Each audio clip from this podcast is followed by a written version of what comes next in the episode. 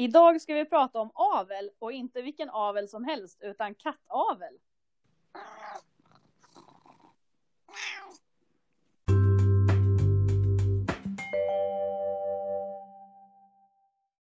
Hej och välkomna till avsnitt nummer fyra av Kaninhopparsnack med Karin och Sandra.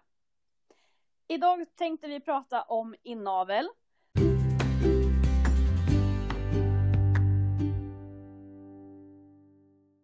Jag tänkte att vi börjar väl med den viktigaste frågan idag. Vad är inavel, Sandra? Ja, vad är inavel Karin? Inavel är eh, kortfattat avel där man parar två individer som på ett eller annat sätt är släkt med varandra. Och där kan vi väl säga att man kan ju mäta inaveln. Idag så mäter vi den i oftast procentsats och det är det vi kallar inavelsgrad. Ju mer släkt två individer är, desto högre är inavelsgraden. Spännande. Och jag har ju satt upp lite konstiga ord under den här punkten som vi har lagt på vår innehållsförteckning för dagens eh, avsnitt. Och då har jag lagt punkter som heter effektiv population. Och det är lite för att uppfödare idag inom hoppvärlden, jag tror inte det är så många som kanske känner till effektiv population när det gäller inavel. Och den kan spela en ganska stor roll. Vet du vad effektiv population är Karin?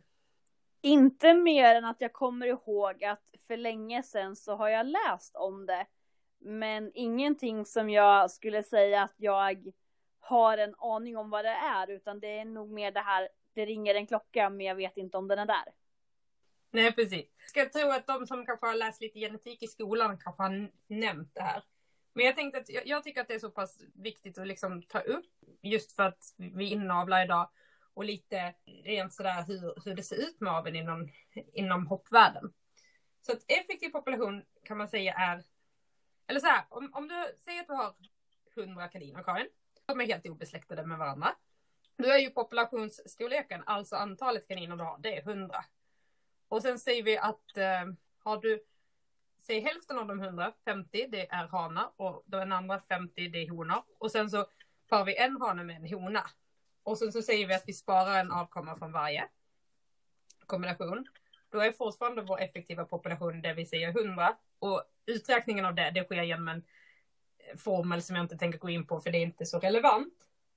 Men säg att för att jag menar inom hoppaveln idag rent realistiskt så får en hane kanske flera kullar på ett år. Så att vi har fler honor som går i avel under ett år och lite färre hanar. Stämmer, låter rimligt. Mm. Så om vi så här tänker oss, jag men säger att vi har 99 honor och bara en hane som parar alla de här 99 honorna. Då är ju fortfarande populationsstorleken, alltså antalet kaniner vi har, det är 100. Men i slutändan sen, om man då ser rent genetiskt på det, så blir den eh, effektiva populationen, den blir ungefär fyra individer. 3,96. Som sagt, en jätteudda formel. Men det man vill få fram med en effektiv population, det är antalet individer som faktiskt vad ska man säga, är genetiskt skilda från varandra. Som man skulle kunna para i sin tur och inte få inavel. Så att från att du faktiskt, faktiskt har 100 individer så är det bara fyra stycken som är värda att avla vidare på. Det är liksom den effektiva populationen, fyra stycken, just när du bara haft en hane på 99 honor. Så att den effektiva populationen är ganska liten jämfört med den faktiska, alltså den verkliga populationen. Känns det krångligt? Nej, men det är en väldigt spännande tanke och just det där att man då egentligen kan ha väldigt många djur. Men, men just som man säger att de som faktiskt inte är släkt med varandra och då som har någonting på pappret då att tillföra vidare avel är ett väldigt lågt antal. Ja, precis. Och, och, det är det jag tycker just är lite intressant. Men att det är ju faktiskt så vi kanske mer och mer går idag mot, vilket vi ska prata senare om, men just att vi avlar kanske på lite färre individer. Många väljer samma hane, vissa hanar får väldigt många ungar, även honor. Och just att förstå att det i sig påverkar inaveln. Att när, när den effektiva populationen blir så liten som fyra individer, då är det ju ganska lätt också att förstå att inavelsgraden kommer att skjuta i höjden och bli jättehög. Verkligen en spännande tanke. Men om vi går lite vidare då, nu har jag pratat lite krångligt, så går vi vidare mot, för idag pratar vi om inavel. Men där finns ju också någonting som heter linjeavel. Jag tänker du, du kan väl fylla i lite vad du tycker är skillnaden. Men för mig är så här, linjeavel är för mig en planerad inavel. Och då menar jag inte planerad att jag har planerat den här kullen. Utan en planerad inavel betyder att du har framför dig ett system att jag kommer att ta släktingar i den första kullen och sen i nästa kull då kommer jag para syskon till den tillbaka till sin mor kanske och sen så i nästa generation kommer jag para den avkomman med sin egen kullsyskon. Så att man har liksom en struktur framför sig i flera generationer just för att få fram i det här avseendet skulle jag tro att linjeavel används betydligt mer inom utställningsvärlden än vad det gör i hoppvärlden. Jo men exakt och oftast är ju linjeavel någonting som är väldigt lämpligt är väl fel ord men det är ett, ett användbart sätt för att kunna få det resultatet man vill ha när det gäller utseende. Och har man då till exempel en väldigt ehm, ett bra exemplar så vill man ju gärna avla på det tillbaka. Så har jag en väldigt fin hane, då tar jag gärna och parar den med sin dotter och sen så fortsätter jag så hela tiden tills jag får ett bättre exemplar. Och då så väljer jag det och sen jobbar jag mycket med det med linjeavel. Så det är ju, ja, som du säger, man planerar många steg framåt och inte bara att i år tror jag att det här är en bra kull, utan att man verkligen har ett framtidsmål med de här parningarna. Vi kan väl säga att för mig både det absolut tydligaste exemplet på linjeavel, det är ju så hur vi har fått fram våra raser, inte bara kaninraser. Allra tydligast, jag tänker alla hundraser som finns. För att få fram det specifika utseendet så har man linjeavlat en gång i tiden väldigt hårt. Och när vi ändå pratar andra djurslag, kan inte jag få prata lite om katter? Alltså, du vet att det är kaniner den här podden handlar om?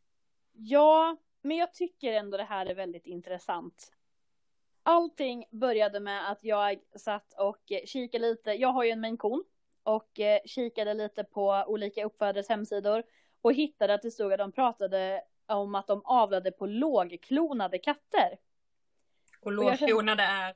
Vadå? Ja, precis. Och det var exakt det jag undrade. Jag bara, klonade katter, vart håller aveln på att gå? Nu, nu kände jag liksom att jag inte hängde med längre.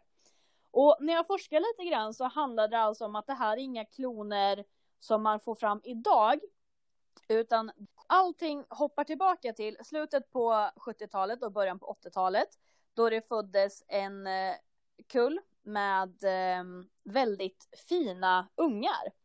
Och de här ungarna kom från två föräldrar som var släkt med varandra. Den ena var dessutom väldigt eh, hårt inavlad och den andra var delvis inavlad. Vilket gjorde att de hade väldigt samma gener från både mamman och pappan där. Ungarna var väldigt inavlade direkt i den här kullen då alltså? Ja, precis. De var, de var väldigt släkt. Och de blev väldigt fina. Framförallt så det blev en väldigt stor katt, vilket var relativt ovanligt på den tiden. Och det gjorde ju att det blev lite coolt också och de här vart väldigt attraktiva på utställningar, de började vinna mycket, vilket också gjorde att den här kullen togs om och om och om igen. Det blev massvis med ungar ur just den här kombinationen. Och dessutom i och med att de vann på utställningar blev ju det här väldigt attraktivt. Alla ville ju ha en unge från de här uh, ungarna. Och i och med att de blev så många så är det därför man kallar dem för kloner. De kallas alltså för klonerna idag. Och eh, man avlade på föräldrarna till klonerna. Man avlade klonerna med varandra. Man avlade klonerna med deras föräldrar. Och det här blev ju alltså en väldigt eh, stor cirkus för att alla vill ju ha en bit av kakan. Alla vill ju ha en klon eller en avkomma till en klon och liknande. Och även om det här visar sig då vara i slutet på 70-talet och början av 80-talet så kan alltså än idag en väldigt stor del av stamtavlan på en katt vara kloner. Tittar man på olika exempel så finns det katter som har 68 procent av stamtavlan som härstammar från de här klonerna. Och idag så, de som, många som jag har läst på skriver om att de försöker att inte ha ett klonvärde över 20 procent eller 30 procent. Så att även om det här är 40 år sedan så är det ett väldigt stort problem idag att man avlade så mycket på klonerna att man tappade mycket av blodet vi hade runt omkring så att de linjerna gick lite förlorade. Och idag har man fått jobba väldigt hårt för att få in nytt blod i den här aveln. Det som dessutom var lite skrämmande var ju att i och med att man avlade så hårt under så få år på det här så blev det ju även att vissa svagheter och sjukdomar inte riktigt uppmärksammades förrän när de kom fram på de första djuren när de hade blivit lite äldre. Och när väl att man då till exempel hade eh, sett att eh, mamman till kullen fick eh, kardiomyopati, eh, uttalet på det kan vi ju diskutera. Någonting med hjärtat va? Ja, precis. Och där kom ju vi då sex års ålder. Vilket gjorde att då står man där med massvis med katter i den här släkten spridda över hela landet. Och sen så funderar man på, oj, är det här någonting som någon annan också har till exempel? När det går så fort så hinner man inte riktigt med att tänka framåt. Det är väldigt intressant just inavel och det som vi kallar defekter. Det har vi ju fått in massvis med frågor just när ni vill att vi ska prata om defekter. Och jag vill inte säga att inavel i sig är inte det som gör att det uppkommer defekter. Utan defekter uppkommer till följd av att vi inavlar. Det låter jätteluddigt. Men när vi inavlar så tar vi två djur som är släkt med varandra. Och att de är släkt menas att de har vissa gener gemensamt. Och när vi pratar gener så finns det gener som är dominanta och som är recessiva. Om vi nu tar bettfel, då benämner man alltid det som en recessiv gen. Det vill säga att en kanin som har en recessiv gen för bettfel men också har en annan frisk gen, den kommer inte få bettfel. Men säg då att vi inavlar så att vi har två kaniner som är friska, till synes friska, de har inte bettfel, men de bär den här bettfelsgenen dolt. Och när de då får en kull så kan det finnas chans att en gen från mamman, en defektgen från mamman och en defektgen från pappan kommer tillsammans. Och då får den avkomman bettfel.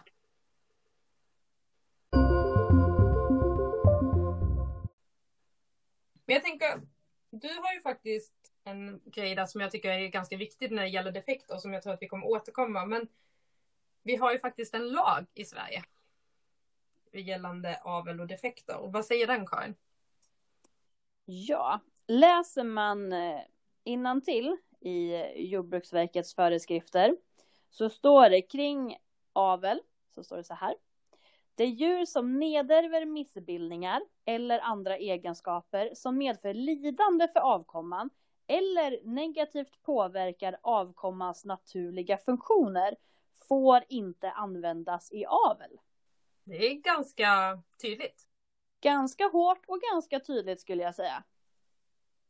Vi kommer ju diskutera lite senare just i det här avsnittet lite våra åsikter och tolkningar, så vi kommer tillbaka till den.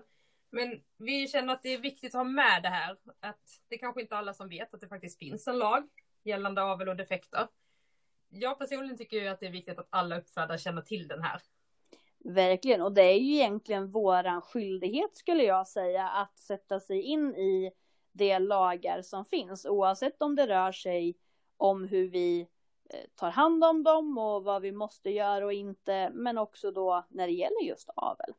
Och att avel idag, det är ju, det är ju inte en, en rättighet bara för man har djur, utan någonting som man faktiskt behöver fundera både en och två och kanske tre gånger om. Verkligen.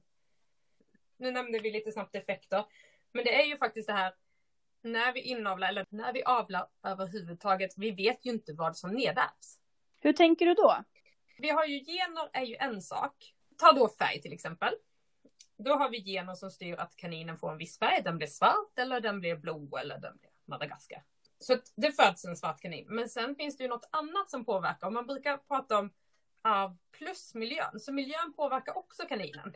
Enklast är väl att tänka att en svart kanin på sommaren, när det är soligt ute och miljön, alltså solen påverkar, då blir den här kaninen solblekt och färgen förändras. Så att egenskaper kan förändras utifrån sin miljö. För att miljön påverkar också. Det är inte bara generna.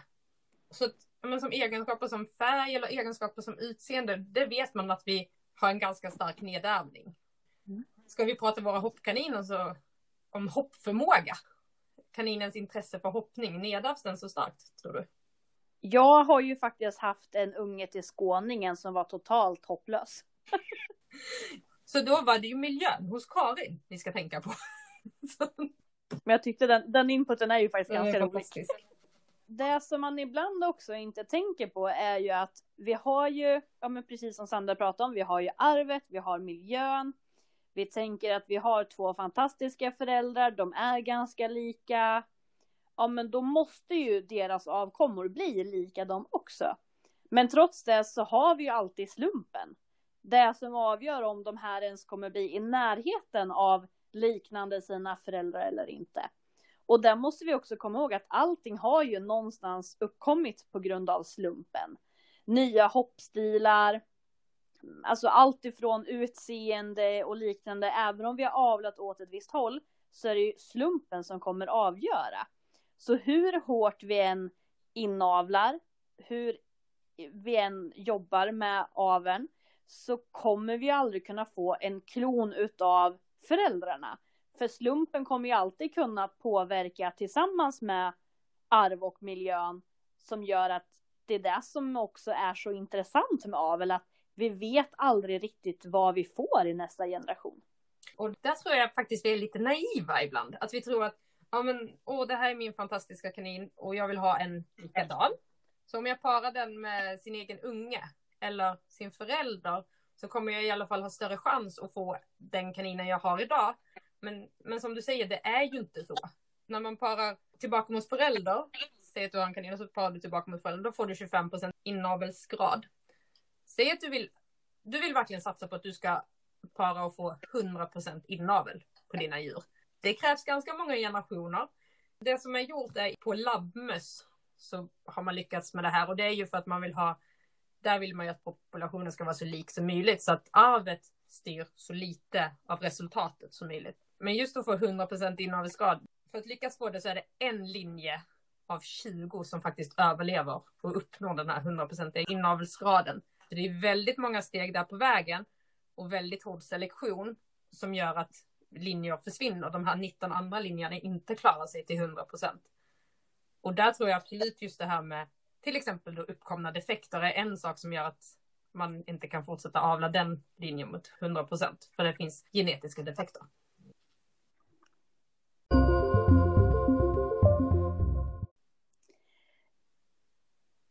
Min erfarenhet som uppfödare kommer ju från dvärgvedursavel. Min mamma startade Simonholms kaningård när jag var två år gammal, så vi fick vår första kull 1990. Och den är ju jag uppvuxen i kan man säga. Så jag har ju alltid varit van med att vi har eh, honor och att vi parar dem och det kommer kaninungar och att vi säljer dem. Det är liksom livets gång. Och ju äldre jag blev, ju mer insatt blev jag i aveln. Och det som vi alltid har fått jobba med är ju för att kunna komma framåt så har ju vi alltid köpt in nya djur för att då kunna få in nytt blod i vår avel så att man kan fortsätta att avla. Det som man har fått jobba mycket med är ju just det här att kontrollpara. Att man försöker att göra en kontroll om generna är friska. Så säger vi då till exempel första kullen vi hade. Där fick vi ungar som vi valde att spara. Som sen blev nästa generation som vi ville avla på för att då säkerställa för varje generation eller för varje inköpt djur att det här är bra linjer att avla på så får man göra en kontrollparning där man till exempel har avlat då till exempel far och sin dotter eller mor med sin son, Eh, vilket nu man beroende på vad man har valt att spara för att se då om har man då till exempel den här generna för bettfel eller övriga sjukdomar. Oftast när det gäller vanlig avel så kanske bettfel är det vanligaste man kontrollerar efter. Men för att se då vad det är som uppkommer om det här är någonting man vill avla vidare på. Sen är det ju som så att en kontrollparning är ju ett bra sätt att se, men det är ju fortfarande aldrig någon garanti. Men säger man då att man har ett led som man hela tiden håller fast vid och tar in nytt och sen fortsätter att avla mot samma led, så även om man då gör olika kontrollparningar så har man ju alltid grundledet detsamma. Vilket då gör ju att man får ju se från olika sätt vad det är som händer om det uppstår defekter eller liknande. För att då se om leden verkar vara friska eller inte. Så att man inte sitter där tio år senare och inser att oj, nu dök det upp bettfel här. Och de här leden har vi ganska långt tillbaka och dessutom sålt avkommor vidare till övriga uppfödare. För det kan ju vara slumpen som avgör att ett inköpt djur som har fungerat jättebra hos någon annan och inte lämnat defekter ändå lämnar defekter beroende på vad den krockar med för gener hos någon annan. Och det är därför det är just så viktigt att hålla koll på vad man har och hålla koll på släkten bak på djur. Och tittar man då till exempel som vi avlade ju väldigt mycket från vårt första led, alltså egentligen vår första kull vi fick där. Och än idag så har vi alltså siamesen som jag har kvar sitter där ute, han är bara fem led bort från vårt absolut första led som är då 30 år sedan idag. Och det är där man handlar om att man vill ha ett hållbart avelsarbete. Att hela tiden ha en plan och fundera på hur kan jag fortsätta hålla det här friskt utan att behöva inavla för att gå runt, eller vad man ska säga, den här effektiva populationen. Att man då tar in de här nya leden, men samtidigt vill kontrollera att de leder man har är friska. Så att man inte målar in sig i ett hörn i slutändan. Men då får jag fråga, kontrollparningar, säg att det dök upp en defekt. Mm. Kontrollparade ni då efteråt också? Inte samma kombination. Det, det är såklart att det hände under åren att det dök upp någon defekt. Och det man vet då är de två föräldrarna. Och då får man ju fundera liksom hur stammen är där. Det man sen kanske gjorde då för att kontrollera vilket led det kom ifrån. Om vi säger då till exempel att mamman till den här kullen, det var våran uppfödning. Pappan var en inköpt, vi dömer ut pappan direkt. Den är bye bye. Men om mamman då är våran uppfödning, då kanske mamman i sig har ju då sina föräldrar. Och då måste man ju fundera på de föräldrarna. Vart ifrån kommer genen där? Och då gör man ju inte, eller gjorde ju inte vi kontrollparningen på mamman, för där vet vi att genen finns. Då finns ju ingen anledning att göra en kontrollparning. Och inte avla vidare på henne. Nej, men det var ju väldigt intressant att veta att kom genen som hon hade då från hennes mamma eller pappa? För när vi hade stor avel så hade vi ju ändå flera honor och flera generationer och flera hanar såklart. Och det gjorde ju såklart att man ibland hade djur som, om man säger då bara kanske till 25 procent härstammade från vår första linje. Och den har vi kontrollerat så många gånger så den vet vi är fria från defekter som bettfel. Och då kunde det vara till exempel att om jag hade, vi säger då, vi kallar det siderledet. Om jag då hade då en annan hona till det ledet som var inköpt, då kanske det var därifrån den kom. Och då var det där man försökte att, att leta efter, att vart är det defekten härstammar ifrån. Men kontrollparningen på föräldradjuren som precis har lämnat en defekt, det tycker inte jag har någon mening för att där har jag redan faktan. De här två har fått en defekt. Och tittar man då lite på lagtexten vi pratade om tidigare, då skulle jag säga att kontrollparning på de individerna är olagligt. För jag vet att de här kan nedärva en defekt, en missbildning, för det har de ju precis visat mig.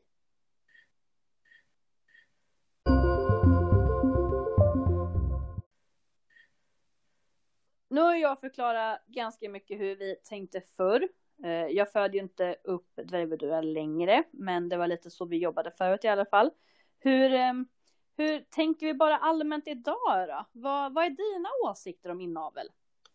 Och jag kan ärligt säga att jag tänkte nog mer på det för kanske tre, fyra år sedan. Att jag verkligen så här, när jag tittade på oftast kanske då hanar till mina honor kollade upp inavelsskadorna och så. Idag så märker jag, som sagt, lite verkligen ärligt sådär att det är nog inte det första jag tittar på idag, utan det finns så mycket annat. Eh, sen så är det klart att som många andra så har jag också lite mina, vad ska man säga, gränsvärden som jag inte vill att det ska överstiga.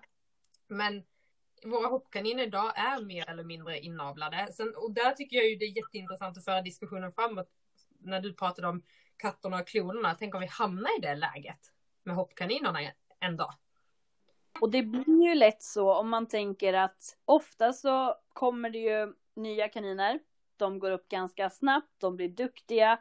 Det avlas ändå relativt mycket. Och får man då till exempel en, en duktig kanin så blir det också lätt att syskonen till den avlas lite för att den rider lite på syskonets meriter. Att det kan lätt bli så att en hona som är eh, kullsyskon med en duktig hane avlas lite extra på för att den har just samma gener. Och där blir det också lätt att det avlas lite extra och om vi då avlar för mycket på det kommer vi ha ett liknande problem fast vi kanske då sitter med tio olika klonfamiljer. Mm. Ja men verkligen, och det vi idag kallar kända led är ju kaniner som på ett eller annat sätt verkligen just är kända för att de har, de förekommer i många stamtavlor. Det är ju därför man kallar det för kända led. Så att några sådana har vi, sen kanske inte så extremt som klonerna. Men det är just det, nu är vi i ett läge idag när, jag vet inte vad generellt en inavelsgrad ligger på, kanske runt 2-3 procent skulle jag säga. Men jag menar fortsätter vi idag om några år, vad, vad kommer den genomsnittliga inavelsgraden vara? Och någonstans så, eh, om man tänker så här generellt, jag är inte emot inavel. Jag har som sagt inavlat eh, för uppfödningen som dvärgvedurs uppfödare. Jag har inavlat mina hoppkullar. Men det det handlar om är ju vad är det för någonting jag inavlar på? Vad är det för led? Vad finns bakom? Hur avlade är leden? Vart kommer leden ifrån? Så att man någonstans inte stirrar sig blind på inavel. Utan att vi faktiskt funderar på vilka egenskaper är det som jag eventuellt dubblerar? Och vad får jag för effekt utav det? För någonstans så har vi ju kända negativa effekter av att inavla. Och det vet jag att du kan en del om. Sandra, kan inte du förklara lite om det? Jo men som du säger, jag tror att den mest kända för oss, som vi känner till idag med negativa effekter av inavla, det är ju defekterna som uppstår. Och vi har ju lite olika. Vi har bettfel, vi har maxfaktor. Sen finns det, kan du någonting? Dvärggenen. Dvärggenen, precis. Det man kallar muppar. Är vi tack och lov ganska skonade från. För att vi, om man nu pratar den generella hoppkaninen som inte är inblandade med, med hermelin eller de här väldigt små dvärgvedurarna. Sen finns det, jag tänker megakolon är ju också en sån. Hippo. Hippo. Så det finns ju flera stycken. Och där märker jag ju lite om man nu bara går in på generellt defektsnack att Max Factor är ju någonting som har ploppat upp senaste två åren ungefär. Att nu börjar folk känna till den. Innan så har ju den stora snackisen alltid bara, bara varit bettfel. Men det finns ju fler. Så defekter är en negativ faktor. Sen tycker jag också att det man ska ha i åtanke är att inavel minskar ju vår bas av gener, vår genetiska variation. Och ser man till naturen, som man nog ändå, tycker jag, ska vara väldigt ödmjuk mot som uppfödare, att tänka att naturen vet nog alltid bäst. Och i naturen så försöker man ju på alla sätt faktiskt undvika inavel. Av den anledningen att inavel ger mer lika individer, vilket gör att händer det någonting så har man ingen genvariation som kanske gör att ja, men den där arten skulle överleva en sjukdom. Men de saknar en gen som de kanske hade för flera år sedan när genbasen var större i den populationen. Är inte det också att man generellt säger att immunförsvaret blir sämre? Alltså att hälsan ja, blir exakt. sämre? Och, och, det är så enkelt.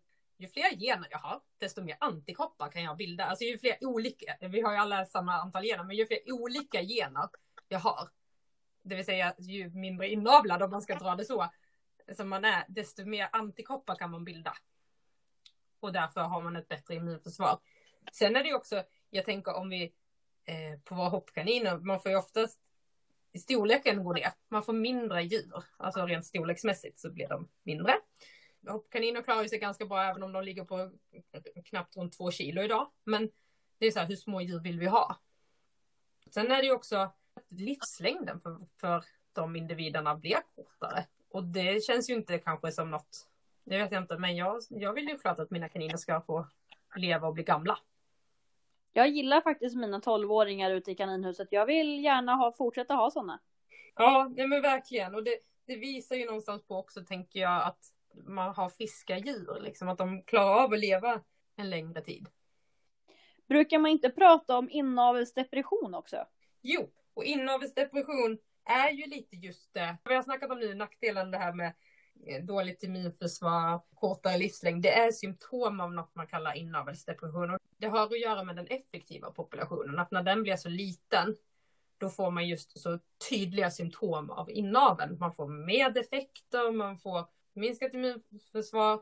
Något som också jag kom på är minskad fertilitet och det vill vi väl absolut inte ha på våra kaniner. Och det märker man ju ganska ofta man hör om svårparade djur. Både honor som är svårparade och hanar som är svårparade. Och det är ju också en sån här sak att vi vill ju helst inte ha brunstiga honor på banan. Fast vill vi heller inte ha en brunstig hona på banan då är de ju sällan brunstiga utanför. Vilket såklart blir ett problem och det kanske är någonting som man redan är en bit in på även om man inte har jobbat så hårt med inavel för att få bort brunsten. Och det är ju ett tydligt exempel just på hur komplext det är att avla. Att, att vi glömmer vissa bitar. Ja, men jag vill ha en duktig hoppkanin och den ska vara så stor och den ska ha långa ben och den ska ha mm, en eh, stark rygg och den ska ha den ska se ut si och den ska vara så och den ska så. Oj, vi glömde det här med brunsten, hoppsan. Idag det vi pratar om inavel, det ligger på 2 procent. Nu ska inte jag uppmuntra någon att börja inavla för att det är lugnt så länge vi bara ligger på den här graden. Så är det absolut inte. Och det visar ju sig, det ploppar ju upp titt som tätt så kommer det ut information där det har kommit upp defekter. Och det som jag tycker är jobbigt där är väl att jag tycker att man idag inte riktigt faktiskt tar det ansvaret när det ploppar upp någonting. Idag så ser man ju flera som är så här, nej men det dök upp ett fel efter den här honan och hanen, men de fortsätter gå i avel ändå. Och det är så att då kommer vi ju aldrig få bukt med just det problemet. Nu inser jag att det är ett annat avsnitt. Men, men det är ju just det att det är klart att vi kommer in på ansvar om uppfödning när vi pratar inavel. För det är ju uppfödare som håller på med inavel. Och, och där kommer vi egentligen till hela den här äh, frågan med etik och moral. Vad är okej? Okay? Vad har vi för rättigheter eller skyldigheter kanske snarare mot våra djur i det här läget? Hur, hur hårt kan vi gå för att försöka få fram den mest perfekta hoppkaninen? För det är klart att det är den vi vill ha. Varför skulle vi annars avla när det gäller hoppkaniner? Eh, verkligen, och där tycker jag att man ska vara ärlig mot sig själv. Jag vill ju inte föda upp en dålig hoppkanin. Nej. Då finns det ingen vits för mig att ta den kullen. Precis. Sen tror jag att vi är olika. I min avelsmål försöker jag sätta just hur friska är de här individerna. Försöker jag sätta högt. Men det är just som jag sa, det är komplexiteten i att avla. Det känns som ibland så är man så ute efter den perfekta tävlingskaninen att man tänker på alla egenskaper för att den är fertil och att den är frisk. Det känns som att det är så mycket viktigare med allt det andra så man glömmer av det. Och där tror jag också det är viktigt att titta tillbaka lite grann att även om man börjar idag och man liksom tittar att ja men vi, vi är här och nu, vi är på 2020-talet. Men vad, vad hände för fem år sedan? Vad hände för tio år sedan? Vart var vi för 15 år sedan? För det är ju någonstans de generna vi idag avlar på. Och då är det ju väldigt viktigt att titta på vad fanns där bakom? Vad är det för någonting som har avlats fram? Är det till exempel någonting som är väldigt hårt inavlat bakom? Är det någonting som kommer vara en negativ effekt för mig? Även om jag inte tillför den genen igen. För det är ju lika stor fråga där också. Vill jag ha djur som är inavlade även om inte jag kommer välja att inavla vidare på dem? Sen tänker jag också det som du sa, du var inne lite på förr och nu. När jag kom igång ordentligt i SKHF 2007, då var det ju typ tabu med inavel. Det var ju verkligen big no-no. Så på 13 år så, nu har det ju dessutom varit ett antal år det har varit okej att inavla. Men det är ju intressant att se bakåt hur, ja men hur åsikterna var. Och då var det verkligen hela landet det var tabu i. Det, det svänger ju ganska mycket och det tycker jag ändå att det har gjort sådär, ja men under åren att Ibland så var det, ja men att folk gjorde det lite grann men det pratades inte så mycket om det men det var ingen som sa någonting. Sen började det vara liksom mindre okej okay, och sen blir det som du sa, ja men verkligen så här, nej det här är inte alls någonting vi ska göra och väldigt hårda avtal från uppfödare där det verkligen stod i köpavtalet att du får inte inavla med den här kaninen eller att den får inte paras med kaninen den är släkt med. Till att några år senare, ja men då börjar det vara okej med några få procent där och, och tittar vi idag så eh, skulle ändå jag säga att det är oftare man ser idag och de senaste fem åren att det dessutom då har förekommit parningar som ligger väldigt nära släkt med varandra. Även om den fortfarande nog är en väldigt stor vattendelare, att det är vissa som tycker att det är okej och andra inte. Men just den här generella grundinaven känns ändå väldigt accepterad idag, att man har ett djur som är ett par procent då i den här inavelsgraden och att det känns okej. Okay, att det har liksom blivit accepterat idag. Att det är det nya normala. Ja, alltså idag tror jag inte det är någon som höjer på ögonbrynen åt att skåningen finns fem gånger i en stamtavla. Jag tror inte ens man tänker på det om jag ska vara helt ärlig. Nu har vi fått Skuttli och det är fantastiskt just av den anledningen att du ser stammen, men du ser ju bara en del av stammen. Och jag tror att idag så är vi stämmer på att leta ännu längre bak. När jag började, det kändes som att man kunde stamtavla utan till i princip. Och idag tror jag att man... Och sen hade vi ju Mats.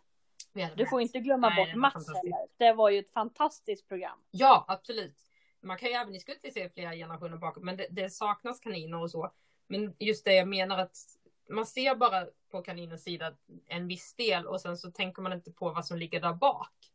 Och även om genetikerna oftast talar om de fem första generationerna så finns ju ändå skåningen fem gånger kanske bak i en kanin. Och det är väl utan att bli för påhoppad tänker jag så är det väl ganska allmänt känt idag att skåningen ändå verkar vara vettfelsbärare.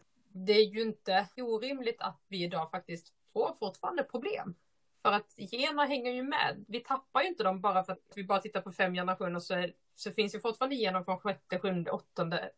Finns ju där någonstans i en liten grad. Och där pratar man ju mycket om att utavla. Men det är som du säger att även om vi då tar in nytt blod och där man kallar då för att utavla, att inte fortsätta duplicera, så kan vi fortfarande inte radera det som finns där.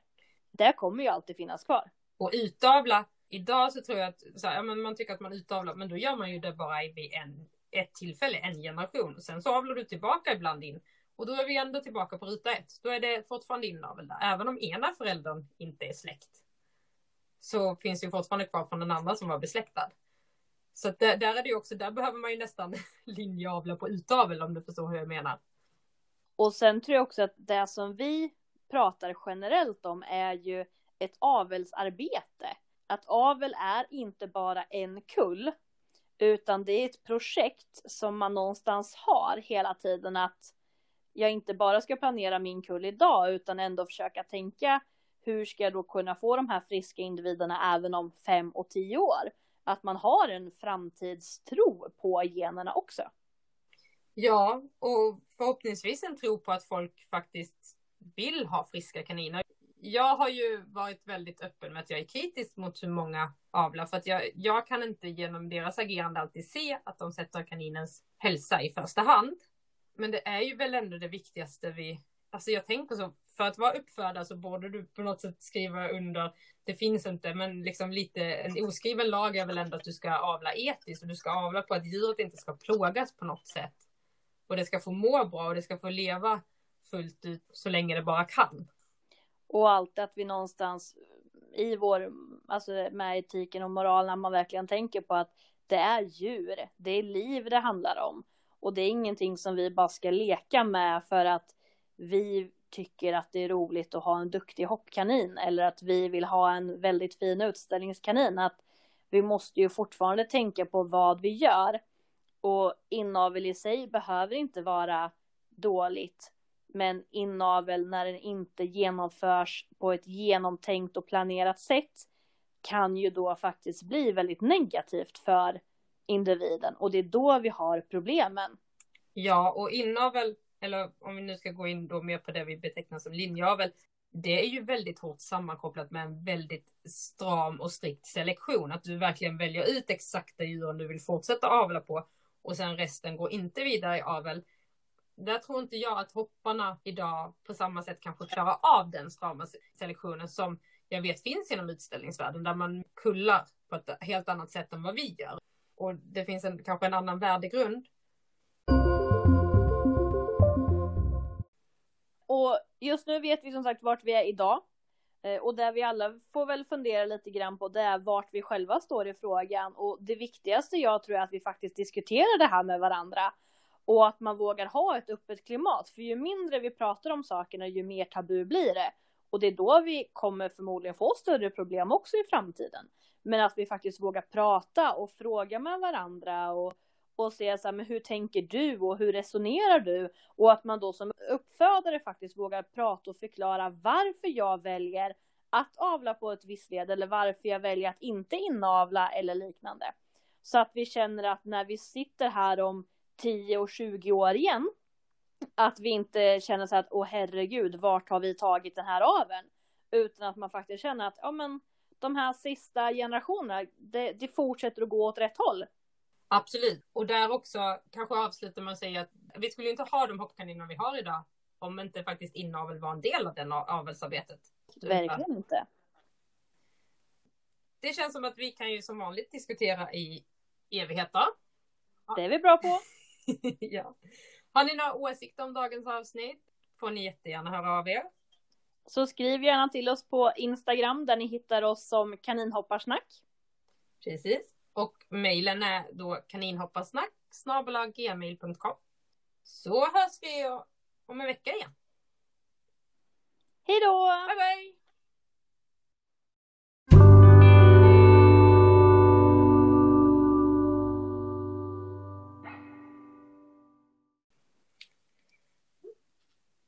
Nu ligger min hund och drömmer igen. Har vi något mer på den delen eller ska jag prata uppfödardelen? Nej men nu, kö, jag behöver gå på toa. Ja men då börjar jag prata då. Ja vänta jag ska bara rulla iväg, det kan gå in på ljudet. Tänk om de hör att jag kissar. Prata på!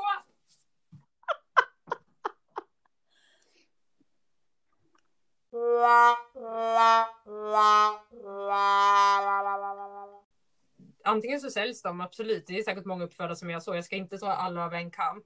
Men många stora tar ju också bort de individerna som inte håller måttet. Och även slaktar. Och slaktar, absolut. Och då, då fyller de ju ett annat syfte. Och så. Åh gud, jag trodde du skulle säga att de fyller frysen. Jag bara nej, det där är makabert.